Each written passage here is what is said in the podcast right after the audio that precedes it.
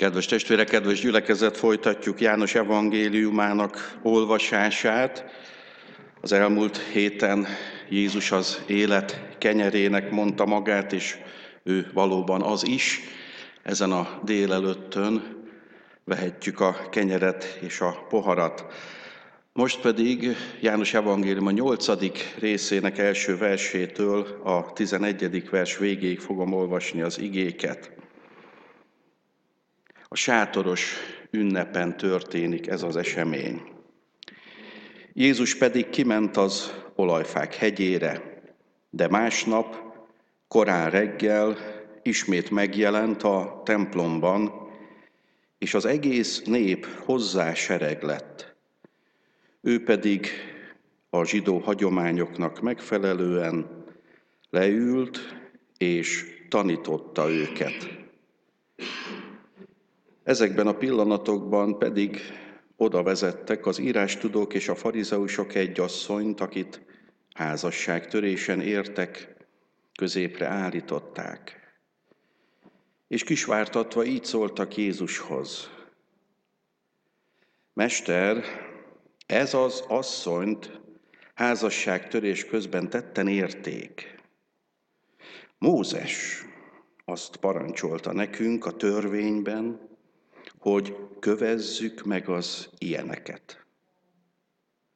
Hát te, mit mondasz? Ezt azért mondták, hogy próbára tegyék, és legyen mivel vádolniuk őt. Jézus pedig lehajolt, és ujjával írt a föld porába. Amikor továbbra is faggatták, felegyenesedett, és ezt mondta nekik. Aki bűntelen közületek, az vessen rá először követ. És ismét lehajolt, és tovább írt a föld porába. Azok pedig ezt halva egymás után elmentek kezdve a véneken, a farizeusokon át. És végül egyedül ő, meg az asszony maradt ott a középen. Mikor pedig Jézus felegyenesedett, és senkit sem látott az asszonyon kívül, így szólt hozzá. Hol vannak a vádlóid? Senki sem ítélt el téged. Ő így felelt, Senki, Uram. Jézus pedig ezt mondta neki, most én sem ítéllek el téged, menj el. De mostantól fogva soha többé ne tégy ilyet. Eddig az ige imádkozzunk.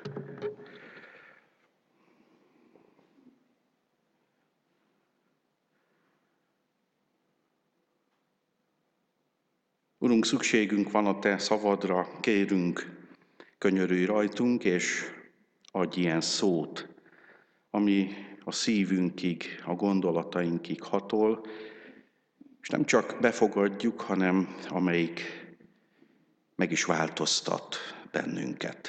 Légy irgalmas hozzánk, és így áldj meg minket. Amen. Foglalnak helyet a testvérek,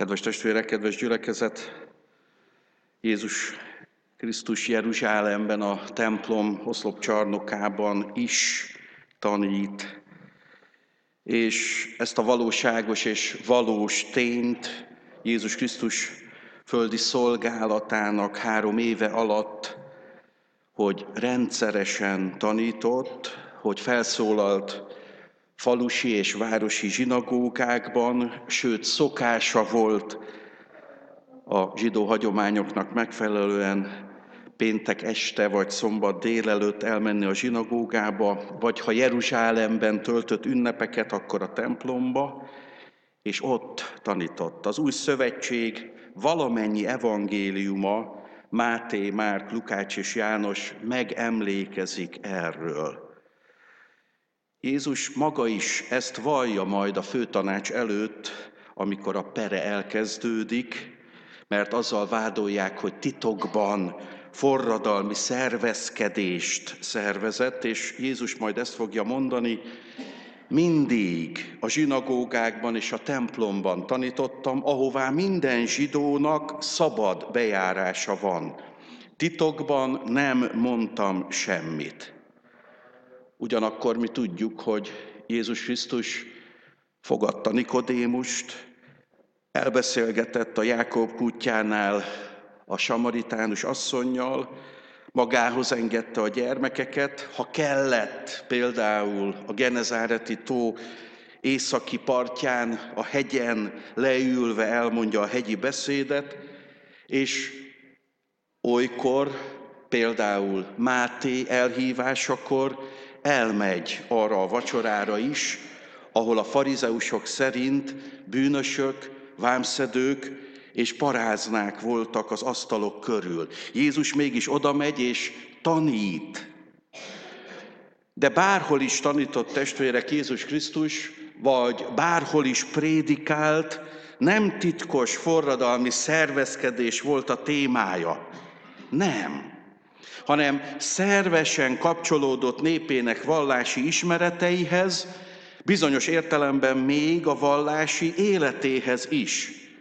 Az ő körükben és számukra értelmezve, sőt újra értelmezve hirdetett négy dolgot.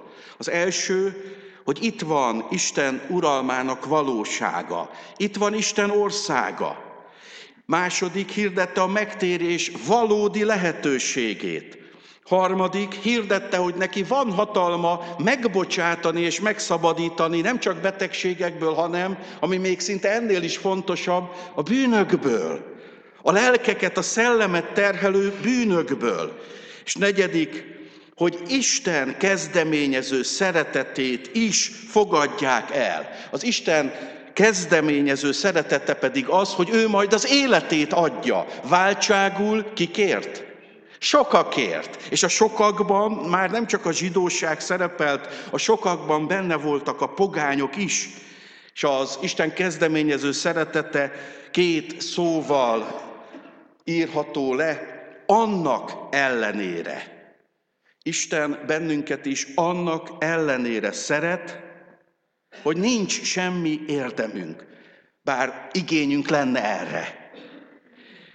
Jézus nem rabbinikus iskolát akart nyitni, hanem benne elérkezett a messiási korszak, és a messiás erejével, hatalmával tanította az embereket. És kedves testvérek, tanítását az élete igazolta. Jó az, hogy olyan Krisztust ismerhetünk meg és imádhatunk, akinek a tanítása és az élete teljes, teljes összhangban van. Ő nem csak elmondta, hogy szeret minket, hanem feláldozta magát. Ő nem csak elmondta, hogy meg fog halni, hanem meg is halt. És ő nem csak elmondta, hogy harmadnapra fel fog támadni, de föl is támadt, szentséges hitünk szerint. És ezen az ünnepen földi szolgálatának második szakaszának vége felé nyilvánosan tanít a templomban. A lombsátor ünnepe ez, és a lombsátor ünnepe október-november elején íródik. A lombsátor ünnepe a zsidó farsang, a lombsátor ünnepe a vidámság, a jókedv, a padlás szintre költözés, a lombsátrak építése, mind a mai napig. Ha a testvérek november második felében vagy december első felében esetleg Izraelben élnek vagy utaznak, akkor mai nap is lehet látni az általában lapos tetejű lakótelepi házak tetején is lomb sátrakat. Ez egy önfelett ünnep. És ebben a könnyet légkörben működik a templom őrség. És inflagranti tetten érnek egy asszonyt, és házasságtörés vágyjával az írástudók és a farizeusoknak adják át. Ők ott Jézus ellenségei. Milyen nagy tévedés, amikor valaki szidja Istent. Milyen nagy tévedés, testvérek, amikor valaki kijelenti, hogy ő ateista. Milyen nagy tévedés, testvérek, amikor még Jézusba is képesek belekötni az emberek. És ugyanakkor azt mondhatjuk, hogy még Jézusnak is voltak ellenségei, a szentnek, a tisztának, aki hazugságtól mentes, aki majd az életét adja, értük is. Még neki is voltak ellenségei, és akkor az ember úgy elgondolkozik, hát akkor nem kell azon csodálkozni, hogy még nekem is vannak ellenségeim. Mert én se nem vagyok szent, se nem vagyok bűnöktől mentes. De hogy Jézusnak is. És kedves testvérek, adott esetben egy magát vallásosnak mondó ember is lehet Jézus ellensége. Adott esetben te és én is lehetek Jézus ellensége, amikor Isten szent lelkének határozott utasítását félretolva a saját akaratomat hajtom végre. Ekkor valóságosan káromlom Isten szent lelkét, és Jézus ellensége leszek. Ne ellenkezz a Szentlélekkel. Legyél inkább Jézus követője, és legyél inkább Jézus barátja.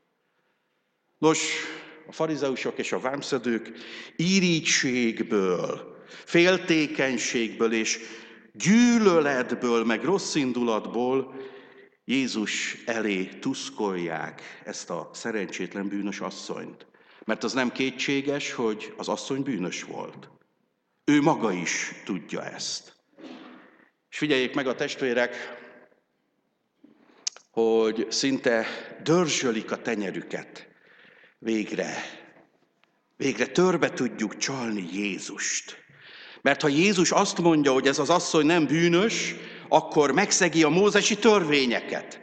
Érdemes elolvasni, testvérek, a Levitikusba és a Deuteronómiumba, azaz Mózes harmadik és Mózes ötödik könyvébe tételesen felsorolják ezeket a bűnöket, és egyet leszámítva, amikor egy hajadon lányt a mezőn erőszakolnak meg, na akkor nem kellett meghalni a lánynak. De minden más esetben a lánynak is és a férfinek is meg kellett halni, mégpedig megkövezés által. Nos, ez a fiatal asszony, ez a bűnös fiatal asszony megalázva, megszégyenülve és reszketve áll középen. Mekkora hangulatbeli különbség. Ezrek, néha milliók ünneplik a farsangot, és látogatnak el Jeruzsálembe, a római birodalom minden tartományából, hiszen majdnem 6 millió zsidó él Jézus korában a római birodalom területén, és ebből mindössze alig 750 ezer ott Júdeában, Samáriában és Galileában, és ezek az emberek önfeledten ünnepelnek, és közben az oszlopcsarnok előtt egy kör alakul, és ott a kör közepén ott van ez a reszkető asszony, aki várja, hogy néhány perc múlva megkövezik. És a mózesi törvények szerint jogosan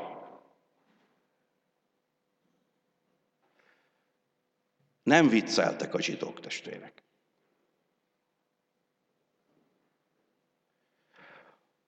A ma embere nem szereti a jogot.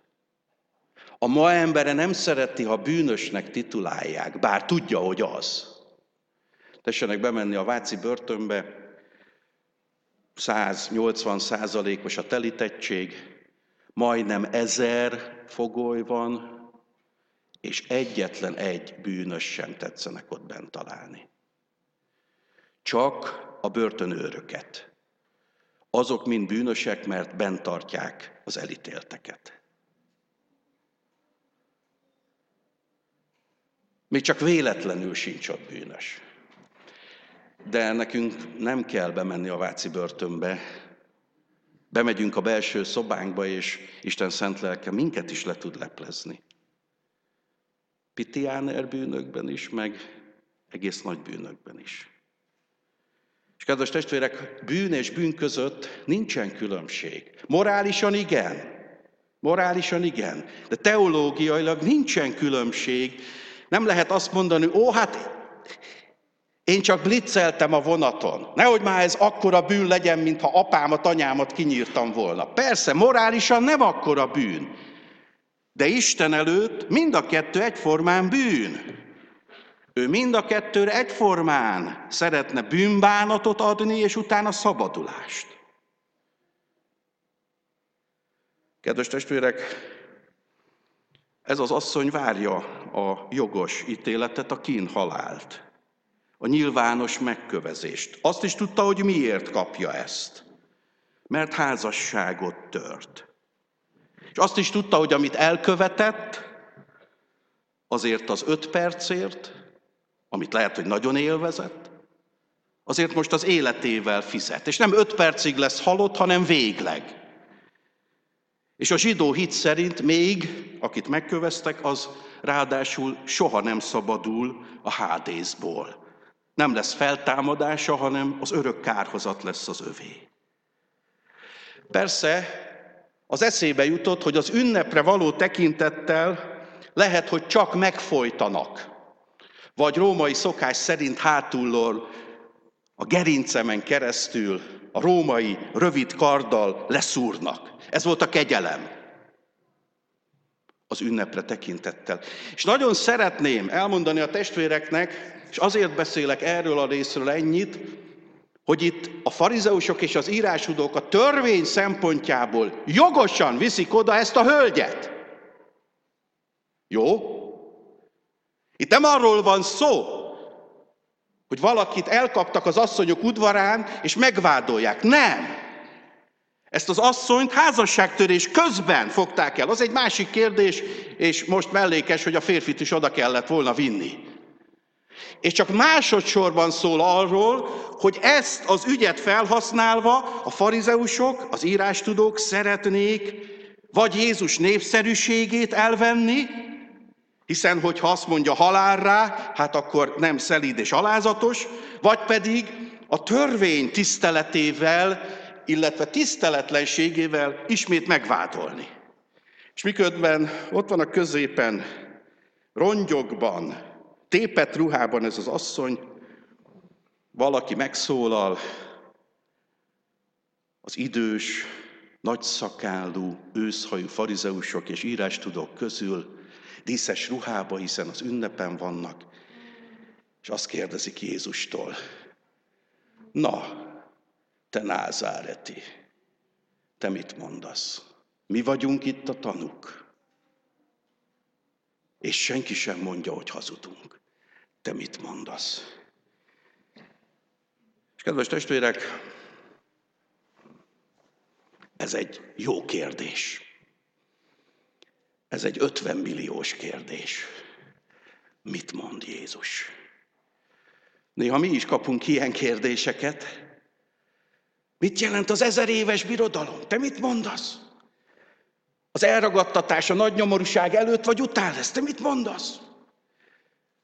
Akik meghaltak, azok várják a feltámadást, és közben mit csinálnak? Beszélgetnek. Te mit mondasz? Bűn van a gyülekezetben. Te mit mondasz? Most, kedves testvérek, Jézus mit csinál? Mit csinál Jézus? Válaszol? Nem. Kedves testvérek, az okoskodó, provokatív kérdésekre nem kell válaszolnunk. Bár van ingerünk, de mégis ez az ige szakasz arra utal, nem kell válasz. Amikor érzed, hogy a másik nem azért érdeklődik, mert kíváncsi a véleményedre, hanem mert provokál nem kell válaszolni. Nyilván, ha 130-al mész, mondjuk a Csányi úton, és a rendőr leállít, és megkérdezi, hogy Melát úr, mit csinált? Ez nem provokálás. Akkor szabad azt mondani, hogy ha ön azt mondja, hogy gyorsan mentem, akkor valószínűleg igaza van. De ha érzed, hogy akár telefonon, akár e-mailben, akár Facebookon, akár Instagramon, meg még ki tudja hány ketyerén, vagy akár szemtől szembe, valaki csak azért kérdez, hogy provokáljon, jobb, ha nem válaszolsz. Menj tovább, menj tovább. És persze te még inkább gyűlölt ember leszel, de nem kell válaszolnod. Menj tovább. Ő pedig följön saját levében. Jézus, mivel poros a templomudvar, lehajol és ír. És nagyon szenzációs testvérek. A magyar szövegből ez nem derül ki, de a görögből igen. Nem az van a görögben, hogy grafein, amiből a grafológia, az írás magyarázat, mármint a kézírás magyarázat latinból származik. Nem ez van. Az jelenti azt, hogy írni, meg írás, hanem az van, hogy kata grafein. És a kata grafein, tudjátok mit jelent? Elmondom, mert nem kötelező tudnotok. Azt jelenti, valamit valaki ellen feljegyezni. Jézus Krisztus ott azoknak a férfiaknak, most így mondom, azoknak a nagypofájú férfiaknak a bűneit írja le egyenként, név szerint. És azok az emberek, testvérek, tudjátok, nem a bűneiktől ijedtek meg elsősorban, hanem attól, hogy ki ez az ember, aki tudja az én bűnömet. Mert általában az esetek döntő többségében, ha te valami direkt követsz el bűnt, azt Isten meg te tudod. Ha titokban, akkor Isten meg te tudod. És ott ezek a férfiak kővel a kezükben arra jöttek rá, hogy ez az általuk lenézett, megvetett, forradalmi felforgatónak tartott Jézus, ez tényleg Isten? Olvasta a nevét, Jodatán, Nátán, Simeon, Lévi és a többi, és oda volt írva, hogy milyen bűnben volt vétkes. És Jézus miután még mindig faggatóznak, hiszen a bűnös embernek egyik szokása, hogy még ő támad, még neki áll feljebb, ezt gyerekkorunkban megszoktuk. Hát szüleim kérdezték, hogy hogy, hogy egyes a dolgozatod. És mi volt a válasz? Hát anya, hát nem foglalkoztál velem. Ja, tényleg? Meg hát egyébként is a Rubos Jancsinak is egyes lett. Ah, tényleg? És ez ment téged? Lehet, hogy itt is ülnek most olyan tört szívű édesanyák, akik megtudták, hogy a gyerekük hány pontos magyart meg matekot írt. És természetesen nem a gyerek a hibás, mi, szülők. Hát nem ültünk ott éjjel-nappal mellette, hanem öntöttünk a fejébe észt. Sok bűnös így reagál, nehogy már ő bűnös legyen. Berti, van nyílt nap a bíróságon, hogy csak úgy szabad bemenni? Na hát ajánlom a testvéreknek, egyszer menjenek el egy büntető bírósági tárgyalásra. Hú-hú, olyan szépeket fognak. Első számú védekezés. Én? Hát én nem is emlékszem semmire, én részeg voltam. Én kábítószer hatása alatt álltam. A többiek vittek bele. Olyan nagyon ritkán van, igen, bíró úr, bűnös vagyok. Én ütöttem le, én raboltam ki. Na ilyet szerintem magyarországi büntető eljárásban dolgozó bíró még sose hallott. És akkor sem, testvérek, hogyha ezer százalékos bizonyíték van, akkor sem.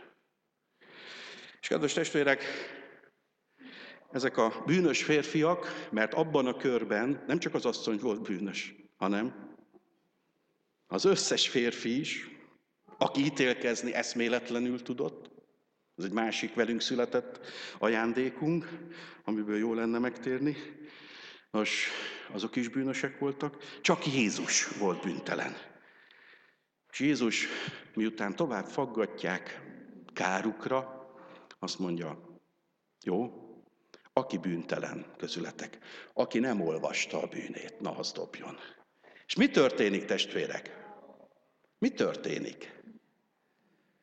Hát szerintem csoda, mert nem oda mennek és leradírozzák a bűnt, nem oda mennek és a lábukkal elhesegetik a port, és nem oda mennek és még Jézust is megkövezik, hanem eloldalognak. Azta, ez nem jött össze. És kedves testvérek, még csak véletlenül se higgyétek, hogy Jézus ezt az asszony fölmentette. Van egy híres egyházatja, Szent Ágoston, aki 32 éves korában tért meg és merítkezett be, és a megtérését követően 9. évben már Hippó városában, ez Észak-Afrikában van, püspök. A negyedik század egyik legnagyobb gondolkodója. Nagyon sok teológiai igazságát mi magunk is hisszük. Például, hogy Isten úgymond a semmiből, az ő szavára teremtette az egész világot. Szemben Plátonnal, aki azt hirdette, hogy Isten egy kis anyagból. Augustin is azt mondja, nem. Az isteni szó, a dábár, meg a logosz azt teremtett. Nos, ez az Augustinus írja, és nekem ez nagyon tetszik, hogy az asszony és Jézus egyedül maradt ott, a sokaság távolban van és ünnepel, és a nagy nyomorúság, ez latinul mizeri, vagy mizéria, és a nagy könyörület, ez pedig latinul így hangzik, hogy a misericordia. Na ez találkozott. Igen. És minden nap, amikor hajlandóak vagyunk letérdelni Jézus elé, a nap bármely szakában, és őszintén elmondjuk, Uram, bocsáss meg, akkor újból és újból a nagy könyörület találkozik az ember nagy nyomorával. A misericordia találkozik a mizériával. Ez Jézus. És itt is. És azt mondja Jézus, senki sem ítél el téged, És ebben a kérdésben benne van az is, testvérek, bár megtehették volna, ha bűntelenek. És azt mondja az asszony, senki, Uram. Azaz azt mondja, de várom a te ítéletedet. És kedves testvérek, Jézus egy nagyon nehéz, nagyon nehéz penitenciát ró itt erre az asszonyra. Azt mondja neki, én sem foglak megkövezni. Én sem ítélek el, mert nem ezért jöttem, azért jöttem, hogy megmentselek. A második, menj vissza az életbe. Ott kell bizonyítanod, hogy én tényleg az urad vagyok. És a harmadik, ilyet vagy ehhez hasonlót soha többé ne tégy. Azaz, menj vissza az életbe, de szakíts azzal a férfival, azzal az ismeretlen férfival, és hogyha férfi lennél, szakíts azzal a nővel, azzal az ismeretlen nővel, szakíts meg minden kapcsolatot, nem hivatkozva meg mentegetve magad, hanem szakíts meg mindent, és élj végre becsülettel. Na ezt mondja Jézus az asszonynak. Kedves testvérek, Jézus ezt nekünk is mondja, bármilyen bűn van az életedben. Fiataloknak, időseknek egyaránt. Igen, van, amikor kőkeményen meg kell szakítani barátságot, mert nem Istentől van. Szerelmet, mert nem Istentől van. Vállalkozást, mert nem Istentől van. Hazugságot, mert nem Istentől van. Szellemi paráznaságot, mert nem Istentől van. Gyűlölködést, mert biztos, hogy nem Istentől van. Igen. Mert ha meg tudod szakítani, és ehhez ad erőt Isten, akkor szabad leszel. Jézus utolsó mondata, mostantól fogva halálodig ne védkezz. Kérjük Isten szabadító szent lelkét, kérjük Jézus Krisztust, hogy így legyen velünk, hogy ne védkezzünk semmiképpen, hanem éljünk az ő vezetése szerint. Legyen így. Amen.